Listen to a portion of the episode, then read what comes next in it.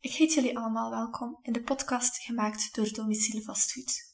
In deze reeks van vijf podcasts bespreken we de dooddoenertjes waarvoor je mogelijk niet zou overgaan tot het investeren in vastgoed. We hebben twee sprekers. Langs de ene kant hebben we Frederik van den Hende. Hij is CEO van Investor. Langs de andere kant hebben we Nick Verkenje. Hij is zaakvoerder van Domiciel Vastgoed. Frederik, u bent CEO van Investor. Kan je daar wat eens meer uitleg geven over wat Investor precies doet? Ja, um, Investor is een vastgoedplatform die ik opgericht heb in 2015 en die zich specifiek richt op mensen die willen beleggen in vastgoed. Um, en de reden waarom ik dat eigenlijk gebouwd heb, is omdat ik zag dat heel veel mensen interesse hebben om te investeren in vastgoed, maar te weinig weten van wat moet ik nu net doen, hoeveel eigen middelen moet ik er gaan instoppen.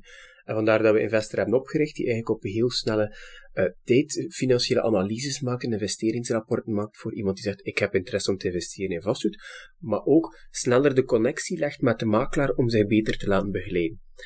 Um, en daarnaast hebben we ook die rekentool um, die we gemaakt hebben, die ook op de website staat van, van heel wat vastgoedmakelaars, en onder andere ook van Domiciel Vastgoed, die er eigenlijk voor zorgt dat ook de makelaar beter advies kan geven voor de investeerder en dan beter kan begeleiden naar de ideale belegging op dit moment. Dankjewel, dat is heel duidelijk. Nick, uh, Domiciel Vastgoed heeft sinds kort een derde pijler opgericht, namelijk Domiciel Slim Investeren. Kan u daar wat meer uitleg over geven? We zijn een vastgoedkantoor, maar we zijn ook een beetje een ander vastgoedkantoor. Uh, we zijn vooral gericht op herverkoop en op nieuwbouwprojecten. Uh, en willen ook de slimme investeerder extra helpen met de tool om nog beter uh, ja, aan te kopen, om inderdaad slimmer te gaan investeren en om eventueel ook een patrimonium te laten uh, opbouwen. Oké, super. Dus investeren is eigenlijk echt wel de gemeenschappelijke factor die jullie hebben. En dat is ideaal voor het bespreken van onze dooddoenertjes.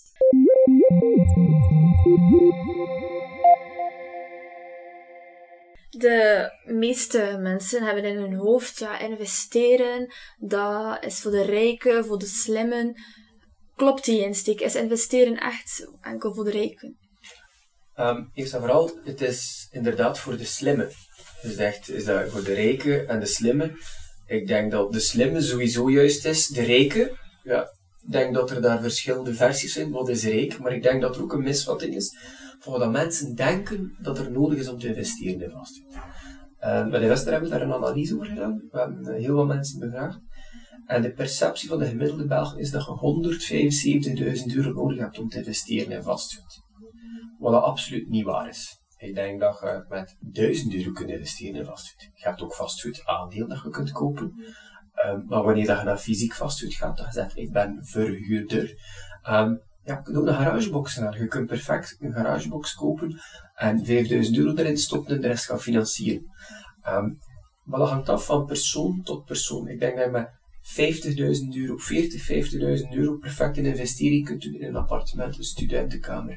Um, in, in, het gaat hem gewoon om hoe dat je het structureert, hoe dat je het financiert en hoe je die methodieken opneemt. Dus voor mij is investeren in vastgoed niet voor de rijken. Um, het is voor iedereen die toch minstens 40.000 euro, maar het is absoluut voor iedereen die slim is.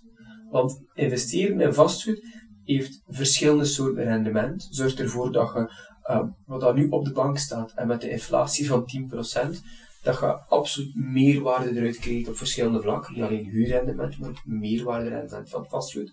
En een financieel rendement wanneer dat je uh, gaat gaan lenen en dat gaan optimaliseren. Maar het is voor ja, heel veel mensen, wat de belangrijkste vraag is, ja, mensen zijn niet altijd overtuigd dat ze het kunnen.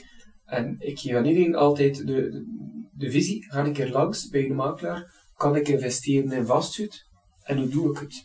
En daarvoor moet je laten begeleiden door de eerste makelaar. Ja, ik ben het er ook uh, volledig mee eens. Uh, het begint feite met slim te investeren in vastgoed. En uh, in principe kan bijna iedereen dit doen in zijn leven, denk ik. Je moet inderdaad kunnen sparen, hey, daar begint het al mee. Maar vooral dit, weinig kapitaal gewoon, zeg ik altijd. En dan kun je inderdaad je spaarpotje kunt daarmee opstarten. En, inderdaad, die 40.000 euro zijn al voldoende. Maar uh, die methodiek, dus hoe dat je het in feite moet doen, hoe dat je het leert, ja, is, is, super, super, super verrassend. Ik had twee dagen geleden uh, een koppeltje bij me. En uh, ik heb die mensen nog geleerd in, in, twee uur tijd En die vrouw had het al door, maar meneer, hè, dus die erbij zat, eh, die, die wist niet goed. Die wilde gewoon een luxe appartement van alles erop en eraan. En die, die hadden een budget van 350, 400.000 euro. Oké, dat kan ook. Dat is ook investeren in vastgoed. Maar toen dat ze weggingen van mij, toen waren ze al aan het denken voor eventueel één of twee aankopen te doen op korte termijn.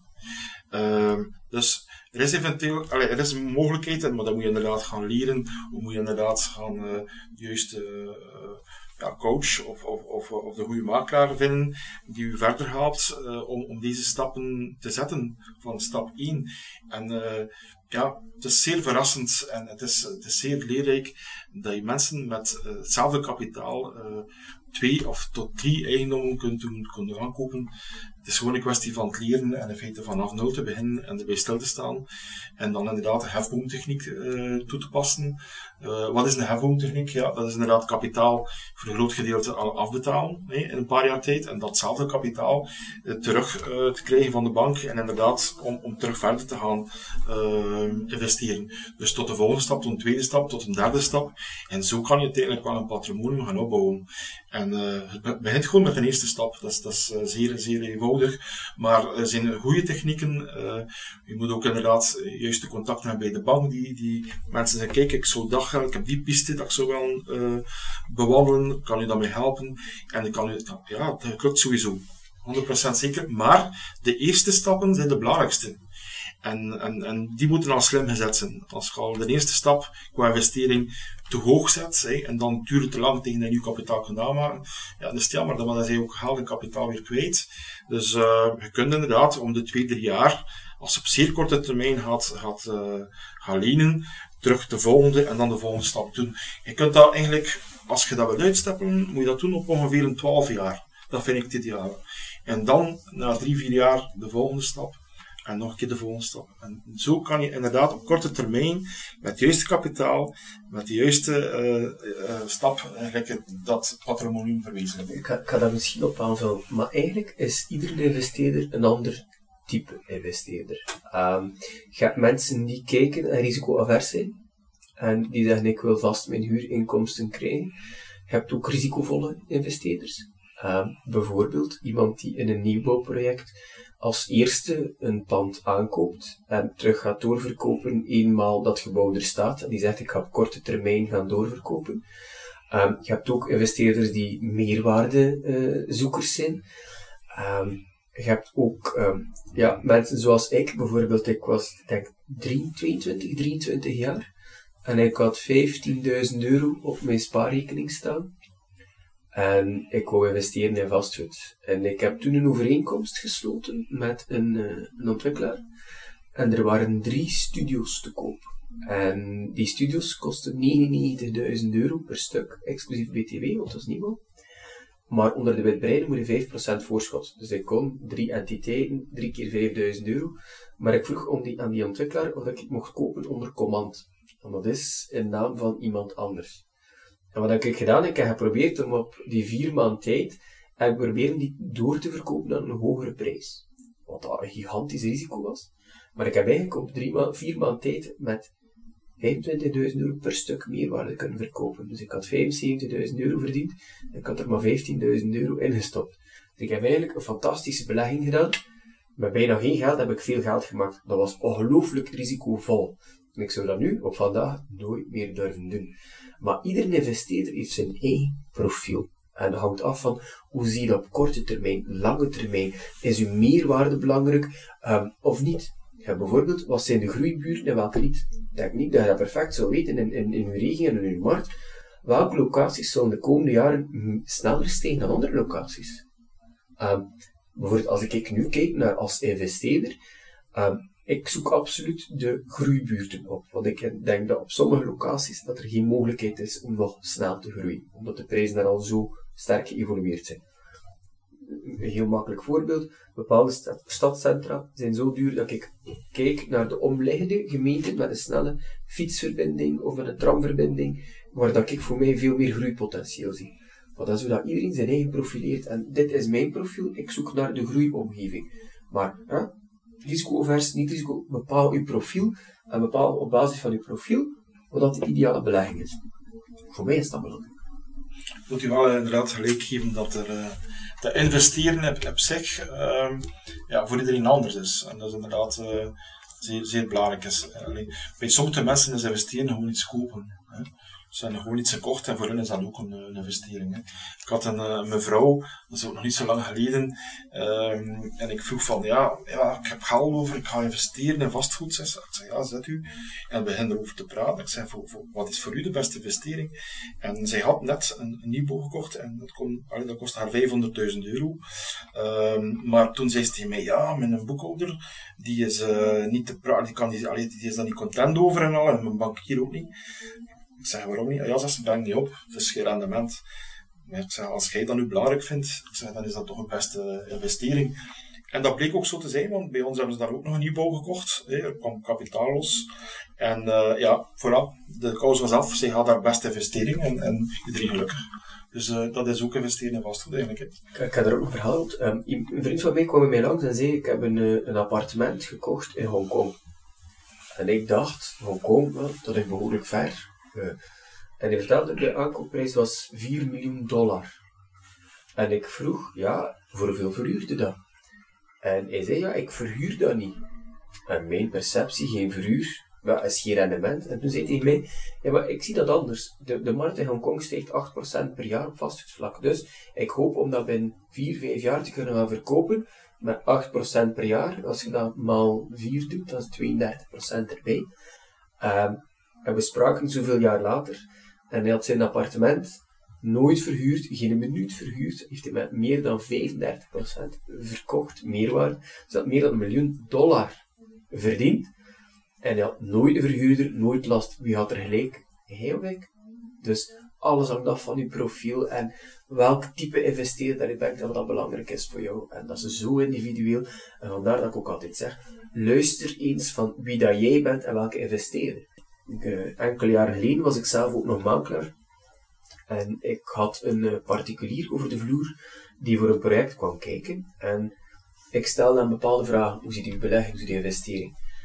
En ik zei na 10 minuten tegen die man, het project waarvoor dat je nu komt, komt totaal niet in aanmerking van wat jij als profiel als investeerder hebt. Maar wat vertel ik hem erbij?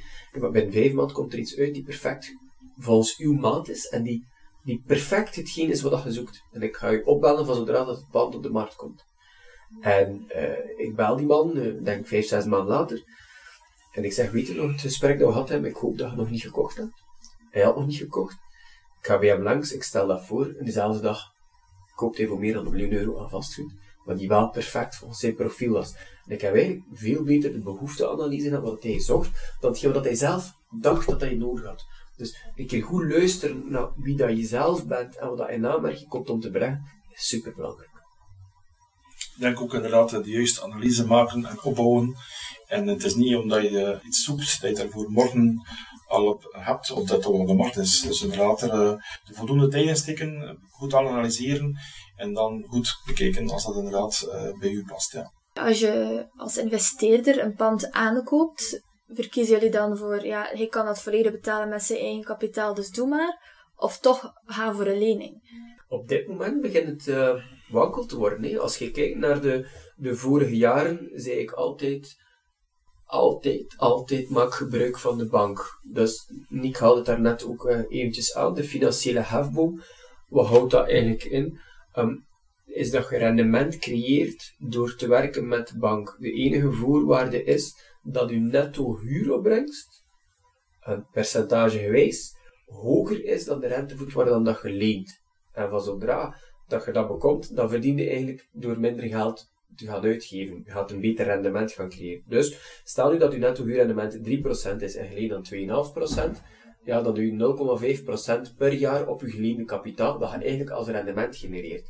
Maar op dit moment zijn de, zijn de interestvoeten sterk aan het stijgen, wat dat er zou kunnen voor zorgen dat het misschien een kantelpunt begint te worden om meer eigen middelen te gaan instoppen.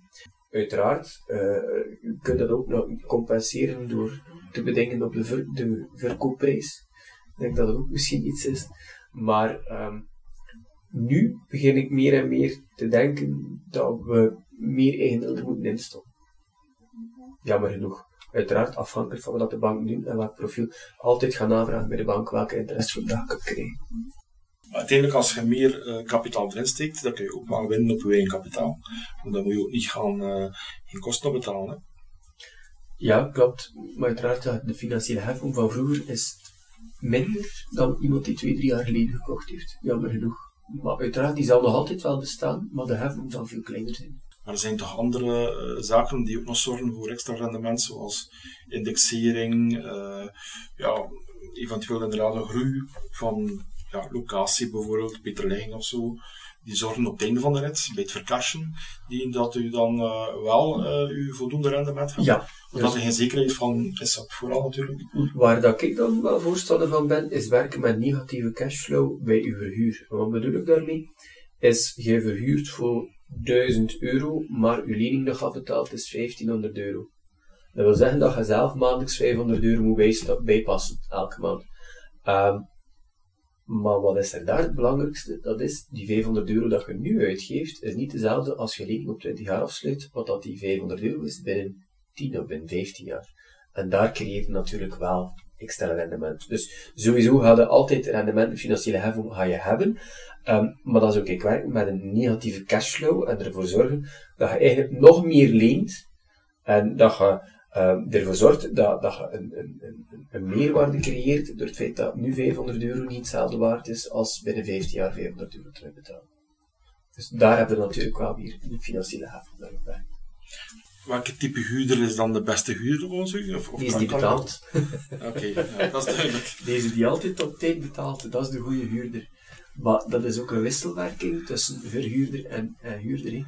Ik heb graag een, een, een, een open huurder die zegt als het moeilijk gaat dat hij het ook vertelt, waardoor je samen naar een oplossing kunt kijken. Um, en soms moet je verder gaan en hem effectief de samenwerking stopzetten. En, en, maar eh, het zijn nog altijd mensen. Ik hou nogal van de menselijke aspect van de zaak. En als er een wederzijds respect is, dan ga je altijd een goede huurder hebben. Dus de huurder is die betaalt, maar die, die ook respect heeft voor hetgeen wat hij doet. Klopt volledig. Ik had zaterdag, dus we zijn op dit moment het weekend van de 11 november gepasseerd. En ik had een telefoontje van een huurder uh, die mij contacteerde van kijk, mijn verwarming gaat niet.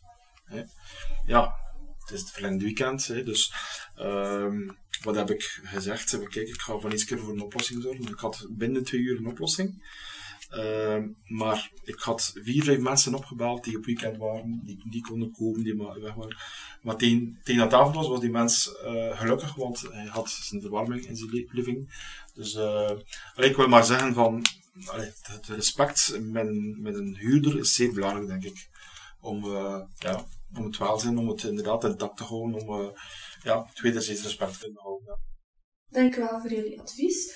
Hoeven dus zeker niet rijk te zijn om te gaan investeren, want dat kan al van een heel klein bedrag. En als we ons nog eens laten bijstaan door een professional, dan zijn we helemaal slim om te gaan investeren. Dank jullie wel allemaal om te luisteren. Wens u meer te weten over andere dooddoeners? Beluister onze andere podcasts. Tot dan!